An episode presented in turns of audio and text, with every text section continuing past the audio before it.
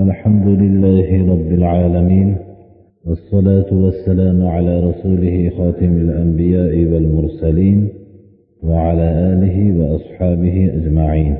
أما بعد السلام عليكم ورحمة الله. عن عبادة بن الصامت رضي الله عنه أن رسول الله صلى الله عليه وسلم قال وحوله عصابة من أصحابه. بايعوني على ألا تشركوا بالله شيئا ولا تسرقوا ولا تزنوا ولا تقتلوا أولادكم ولا تأتوا ببهتان تفترونه بين أيديكم وأرجلكم ولا تعصوا في معروف فمن وفى منكم فأجره على الله ومن أصاب من ذلك شيئا فعوقب في الدنيا فهو كفارة له.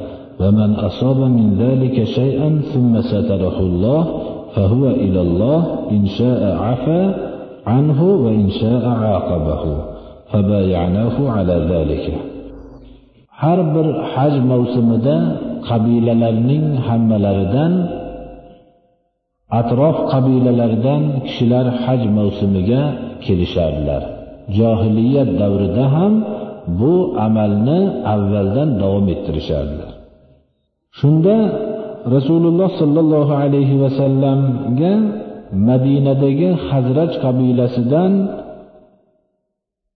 bir kichkina jamoa ro'barularga kelganlarida ba'zi rivoyatlarda olti kishi deyiladi.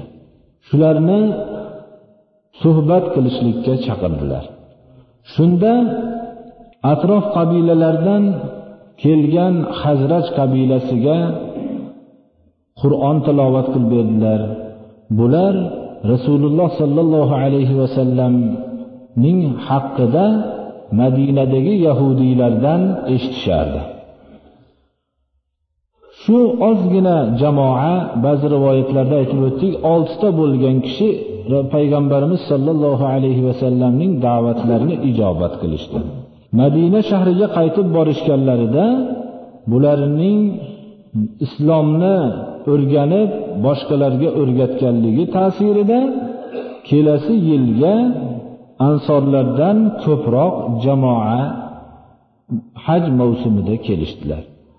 Va rasululloh sollallohu alayhi vasallamga shu kelgan jamoaning ichida hozirgi hadis sharifni rivoyat qilib bergan ubodat ibn somit bor edilar. Ubodat ibn somit shu kishilarni hammalarini yetalab keldilarda payg'ambarimiz sollallohu alayhi vasallam bilan bay'at qilishdilar. Shu bay'atni eslab ubodat somit rivoyat qilyaptilarki rasululloh sollallohu alayhi vasallam aytdilar atroflarida bir ozgina ashoblardan jamoa bo'lgan holatda bay'at qilinglar menga dedilar. shu bay'atning shartlarida birinchi shart ollohga sharik isbot qilmaslikka bay'atni shart qildilar ollohni yagona deb bilishlikka ollohga ko'p kishi ibodat qiladi iymon keltiradi ammo mushrik bo'lgan holatda ibodat qiladiganlar ko'p استعيذ بالله وما يؤمن أكثرهم بالله إلا وهم مشركون odamlarning ko'pi ollohga iymon keltirishadiyu lekin mushrik bo'lgan holatda iymon keltirishadi. Ana bu shirk keltirmaslikka shart qildilar. Shirk haqida ko'p kalimalarni gapirdik. Payg'ambarimiz sollallohu alayhi vasallamning oldiga bir kishi kelib mashaallohu va shita siz xohlasangiz olloh xohlasa siz xohlasangiz bo'ladi deganlarda ajaltani niddan lillahi meni ollohga sharik qilyapsanmi dedilar. Bizni o'zbek tiliga tarjimasi avvalambor xudo qolaversa o'zlari degan so'zni peshvo kitoblari peshvo kishilarni oldiga borganda shuni aytishadilar. Mana shu mashaallohu va shita kalimasining tarjimasi desak xato bo'lmaydi. buni shirk deb payg'ambarimiz sollallohu alayhi vasallam shu vaqtda ogohlantirdilar. Ammo bizlarchi shuni eshitib turaveramiz birodarlarim shirk nihoyat darajada maxfiy narsa. Ashirku axfa min dabibin namli ala safatin savdaa fi zulumatil layli. Shirk qumusqaning qora qora kechaning qorong'i zulmatida qora toshning ustida ketayotgan qumursqadan ham maxfiyroqdir chumoli deb kattarog'ini aytamiz. Mayda qora bo'lsayu kechaning zulmatida bo'lsa va qora toshning ustida ketayotganligini sezishlik juda qiyin bu. Ana shirkka mo'min kishi shunday qattiq turishligi kerak. Payg'ambarimiz sollallohu alayhi vasallam yigirma uch yil davomida shu shirk bilan asosan kurashdilar. Chunki ollohni yo'q degan kofir u vaqtlarda yo'q edi. Keyinchalik paydo bo'ldi bunday kofirlar. O'g'irlik qilmaslikka dedilar. O'g'irlik qilmaslikka shart qildilar. Vala taznu buzuqlik fohisha ishlar qilmaslikka shart qildilar. Vala taqtulu avladakum farzandinglarni kambag'allikdan qo'rqib o'ldirmaslikka bay'at qilinglar menga dedilar. Mana bu yerda bir chuqur nuqta borki buzuqlikka fohishaga yurmaslikka shart qilib turib uning orqasidangina farzandlarni o'ldirmaslikka bay'at qilishlari fohishalik farzandlarning o'ldirishlikka sabab bo'lishligiga ishora bo'lyapti. Hozirgi zamonda ham shunday fohisha ishlar shoyi bo'lgan o'rinlarni ko'rsangiz farzandlarni hammasini qatl qilib tashlab ketishyaptilar. Ana bu ikkovi kalimaning yonma yon kelishligi nihoyat darajada bir diqqatga sazovordir va o'rtalaringlarda to'qiydigan bo'xton qilmaslikka o'rtalarida bir birlariga bo'xton qilmaslikka bay'at qildi.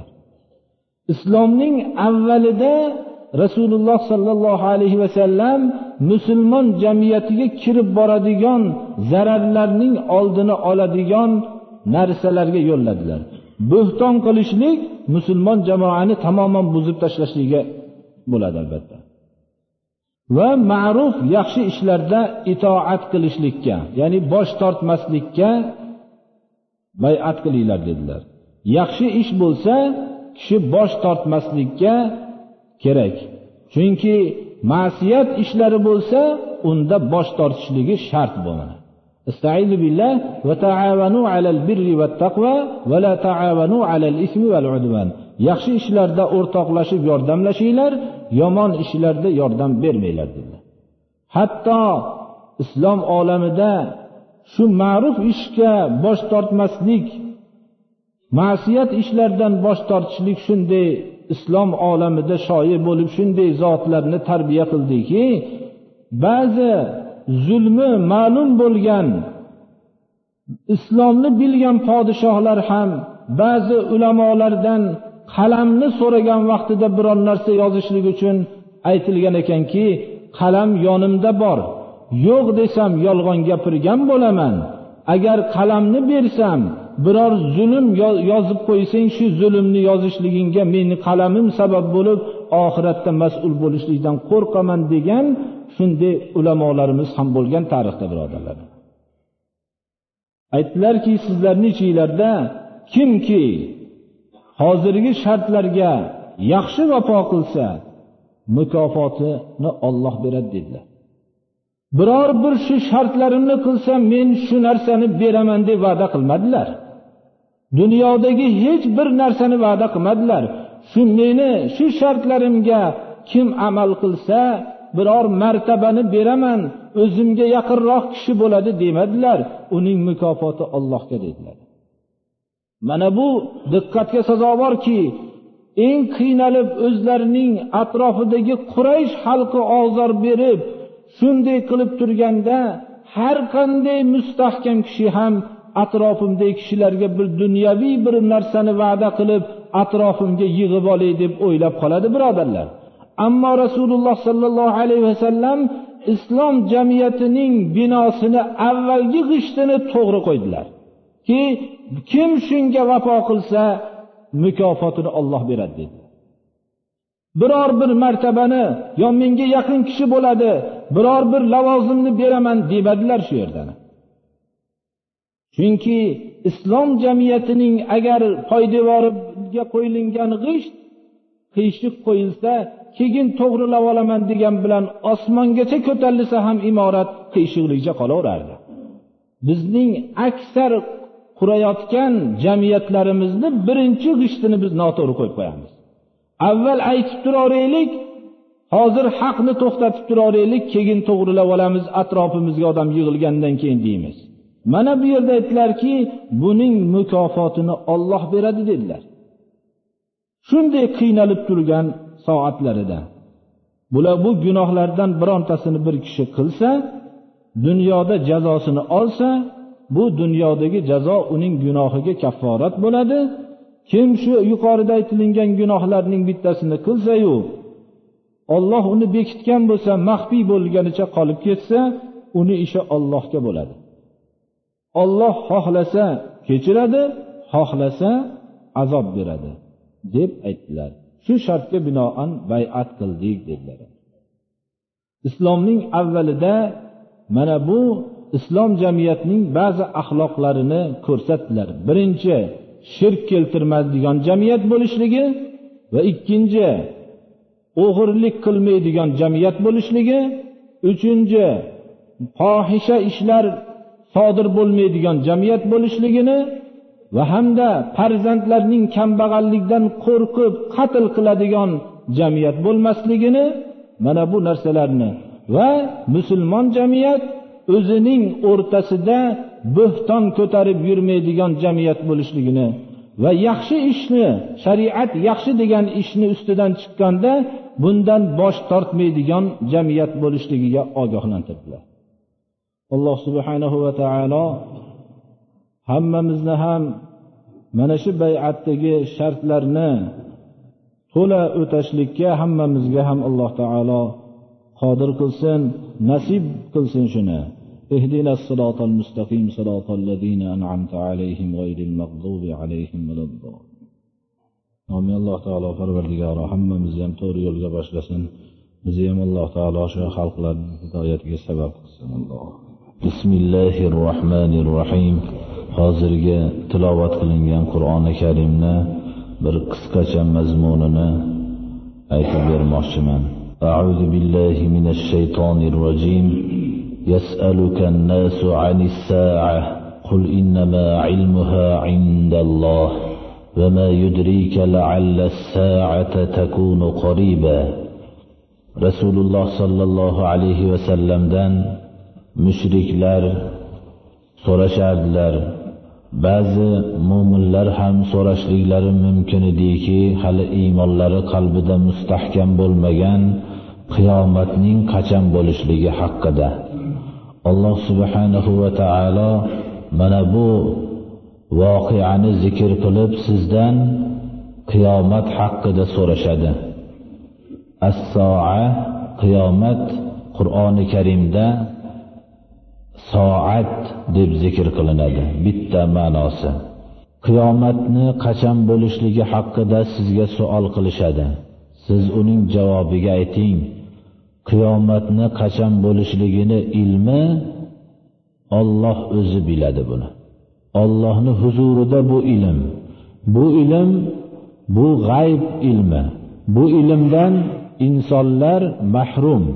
Ammo insonlar shuni bilishliklari kerakki qiyomatning albatta bo'lishligini qachon bo'lishligini Alloh o'zi biladi.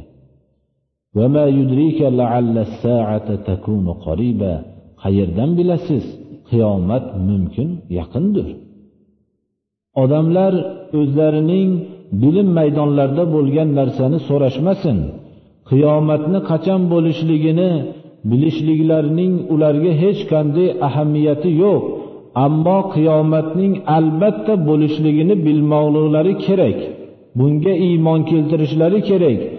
Qiyomatni qachon bo'lishliklarini bo'lishligini bilishlikdan ko'ra qiyomatdagi ahvoldan xabardor bo'lishliklari ularga foyda beradi يوم تقلب وجوههم في النار يقولون يا ليتنا أطعنا الله وأطعنا الرسول Alloh rasuliga itoat qilmagan kishilarning yuzlarini o'tning u yoq bu yog'iga tutib yondirilib o'tdan qochib ganda u yoqqa qochsa ham o't bu yoqqa qochsa ham o't ana shunday yuzlari o'tda tovlanib turgan vaqtda faryod qilib aytishadilarki toshkiydi biz Alloh rasuliga itoat qilgan bo'lganimizda deyishadi. Qiyomatning qachon bo'lishligini bilishlik insonning hech qanday insonga bu bir ma'no bag'ishlamaydi. Qiyomatda ahvolni bilganligi ma'qulroq. Ahvolatlarni bilsa unda inson o'zini o'nglaydi.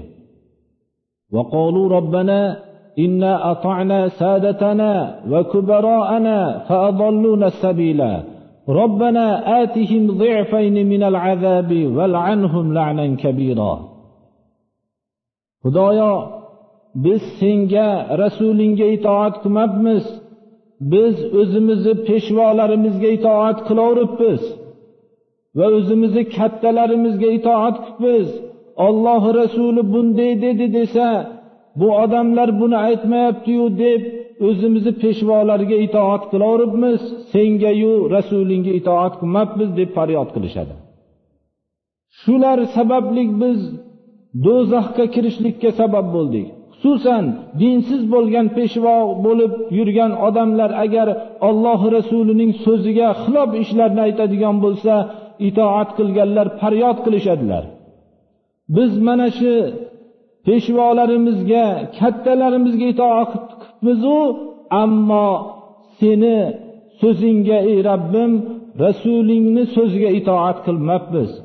Endi shular sababli biz shu yerga kirgan bo'lsak robbana atihim minal azabi bizga bergan azobingni ikki barobarini shularga bergin deyishadilar anhum la'nan bularni la'nat qilgin biz ko'raylik deyishadilarana shular sababli biz shu o'rinlarga do'zaxga kiribmiz deyishadilar. Alloh subhanahu va taolo mana bu haqiqiy peshvolarni olloh rasulini so'zini aytgan payg'ambarlar bularning tarixidan olib kelib tarixda da'vat tarixida ko'p aziyat chekkan muso alayhissalomni zikrini olib keladi استعيذ بالله يا أيها الذين آمنوا لا تكونوا كالذين آذوا موسى فبرأه الله مما قالوا وكان عند الله وجيها ey iymon keltirgan kishilar sizlar muhammad alayhissalomning huzurida turibsizlar bu kishiga ozor bermanglar sizlar da'vat tarixida o'tgan muso kalimullohga ozor bergan odamlarga o'xshagan bo'lmanglar. Muso alayhissalomga xalqlar ko'p ozor berishdilar. Fir'avn davrida o'tgan edilar bu kishi. Fir'avnga ergashishib muso alayhissalomdek ulug' payg'ambarga ergashmasdan fir'avnning so'zini qabul qilishib ko'p ozorlar berishgan edi muso alayhissalomga. Sizlar ham quraysh fir'avnlarning so'ziga kirib bu muhammad alayhissalomga ozor bermanglar. Muso alayhissalomning qavmlari fir'avnning gapiga kirib ozor berganga o'xshagan.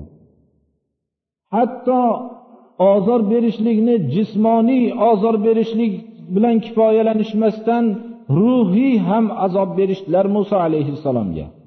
Ular muso alayhissalomning aybdor deyishdilar. Ya'ni jinsiy a'zosining aybdor bu kishi deb shu darajada azob berishdilar. Ollohning ulug' payg'ambarini shunday deyishdilar. Alloh subhanahu va taolo pok qildi u kishini bunday ayblardan. Bu kishini pokligini isbot qildi. Imom buxoriyni rivoyatlarida hatto ollohning ulug' payg'ambarlarini xalqlar mana muso alayhissalomni bu kishining aybdor nuqsonlik deyishgan ekanlar. Shunda alloh subhanahu va taolo shu aybni ayb yo'q ekanligini fosh qilishlik uchun shu kishining g'usul qilib yuvinayotgan holatlarida bu odamlar aytishar ekanki bu kishi xoli yuvinishlarning sababi bu kishining ichki a'zolarda nuqson bor a'zo bor shuning uchun bizdan bekinib yuvinadi deyishar ekan. Bani isroil behayolarcha hammalari har bir johiliyatdagi odamlar oshkor bir hayosiz suratda yuvinganga o'xshagan jamlanishyapti ana alloh subhanahu va taolo muso alayhissalomning yuvinayotgan vaqtlarida kiyimlarini tosh orqalimi boshqa bir sabab orqalimi shuni boshqa kiyimlarini boshqa joyga jildirgan ekan. Kiyimlarini istash bahonasida bu kiyimlariga qarab xalqlarni bilmasdan qolib xalqlar u kishining beayb ularning ichki a'zolarining hech qanday nuqsoni yo'qligini bilishga bildirishlik uchun alloh subhanahu va taolo shu mo'jizani ko'rsatgan ekan. Shu darajada to'g'ri yo'lda yurgan kishilarga hatto payg'ambarlarga ham ozor berishgan ekan. Sizlar muso alayhissalomga ozor bergan odamlarga o'xshagan bo'lmanglar ey iymon keltirgan kishilar deyapti alloh taolo. Olloh u kishining pokligini xalqqa bildirdi.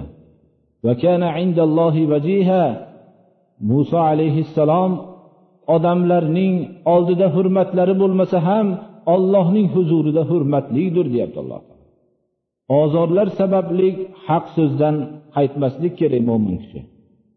har qancha ozor bo'lsa ham haqiqatni e'lon qilishlikdan orqaga yurmasligi kerak alloh subhanahu va taolodangina qo'rqishlik kerak استعيذ بالله يا أيها الذين آمنوا اتقوا الله وقولوا قولا سديدا ey iymon keltirgan kishilar ollohdan qo'rqinglar odamlardan qo'rqmanglar odamlarga haq so'zni aytishlikdan qo'rqmanglar to'g'ri so'zni aytinglar har qanday malomat bo'lsa ham shunda yuslih lakum a'malakum Alloh sizlarning amallaringlarni isloh qilib o'nglaydi xatoinglarni to'g'rilab qo'yadi va yaghfir lakum zunubakum gunohinglarni kechiradi kim يا أيها الذين آمنوا اتقوا الله وقولوا قولا سديدا يصلح لكم أعمالكم ويغفر لكم ذنوبكم ومن يطع الله ورسوله فقد فاز فوزا عظيما kim xalqlarning ozor berib turgan soatda ham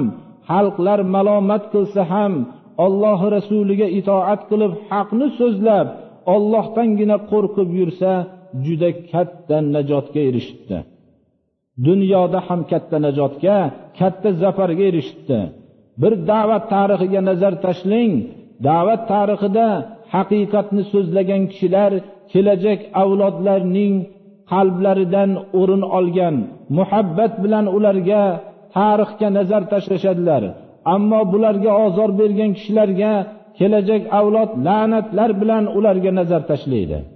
Ana dunyoda ham katta zafarga erishibdi xalqlarning malomatidan qo'rqmasdan haqiqatni aytgan kishilar. Qiyomat kunida albatta katta bir najotga erishishlari muqarrar. Bu najotning qanday ekanligini haqiqatchi kishilar qiyomat kuniga borganda bilishadilar. Va shu bilan birga boshqa bu haqiqat yo'lida yurgan kishilarga ergashmasdan qolgan odamlar ham bular erishgan katta zafarni ko'rishadilar o'zlarining olloh rasulini so'ziga kirmasdan ba'zi bir peshvolar deb tutib olgan kishilarning gapiga kirgan kishilar attang qilishadilar bu katta zafarlarni ko'rib. Va olloh rasuliga itoat qilmaganligiga ko'p nadomatlar qilishadi va o'zlarining peshvolariga gapiga kirganligi sababli Alloh rasuliga itoat qilmaganligi sababli kirgan o'rinlariga attan qilishib u peshvolariga ko'p azob bo'lishligini ollohdan so'rashadilar va la'nat qilishligini ollohga iltijo qilib so'rashadilar mana bu oyatlar xuddi bir qiyomat hozir bo'ldiyu qiyomat shunday ko'z oldimizda turgandek qilib qur'oni karim bizga tasvirlab beryapti. Biz qur'onning shu yerdan tilovat qilayotganda dunyoni esdan chiqarib qo'yib qiyomatdagi bo'layotgan voqeada ishtirok etayotgandek bo'lib qolyapmiz. Ana bu vaqtda birdan alloh subhanahu va taolo bizga iymon keltirgan kishilar sizlar olloh rasuliga itoat qilinglar deb dunyodaligimizni yana eslatib qo'yyapti. Biz hozir imkoniyat bor ekanligini bizga bildirib qo'yyapti. Da'vat tarixida o'tgan ozor topgan kishilarni hammasini ko'z oldimizga keltiryapti. Bularni misollarini hammasini olib kelyaptiki alloh subhanahu va taolo bizga hujjatni shunday mustahkamlab qo'ygan. Olloh shunday kuchli hujjat egasidir mana alloh subhanahu va taolo dunyoda turgan vaqtimizda to'g'ri yo'lga yo'llasin. Oxiratda attang qiladigan kishilardan bo'lib qolmaylik. Allohi rasuliga itoat qiladigan kishilardan qilsin. To'g'ri yo'lni to'g'ri so'zni aytadigan kishilardan qilsin. Bu yo'lda faqat ollohni o'zidan qo'rqadigan kishilardan qilsin.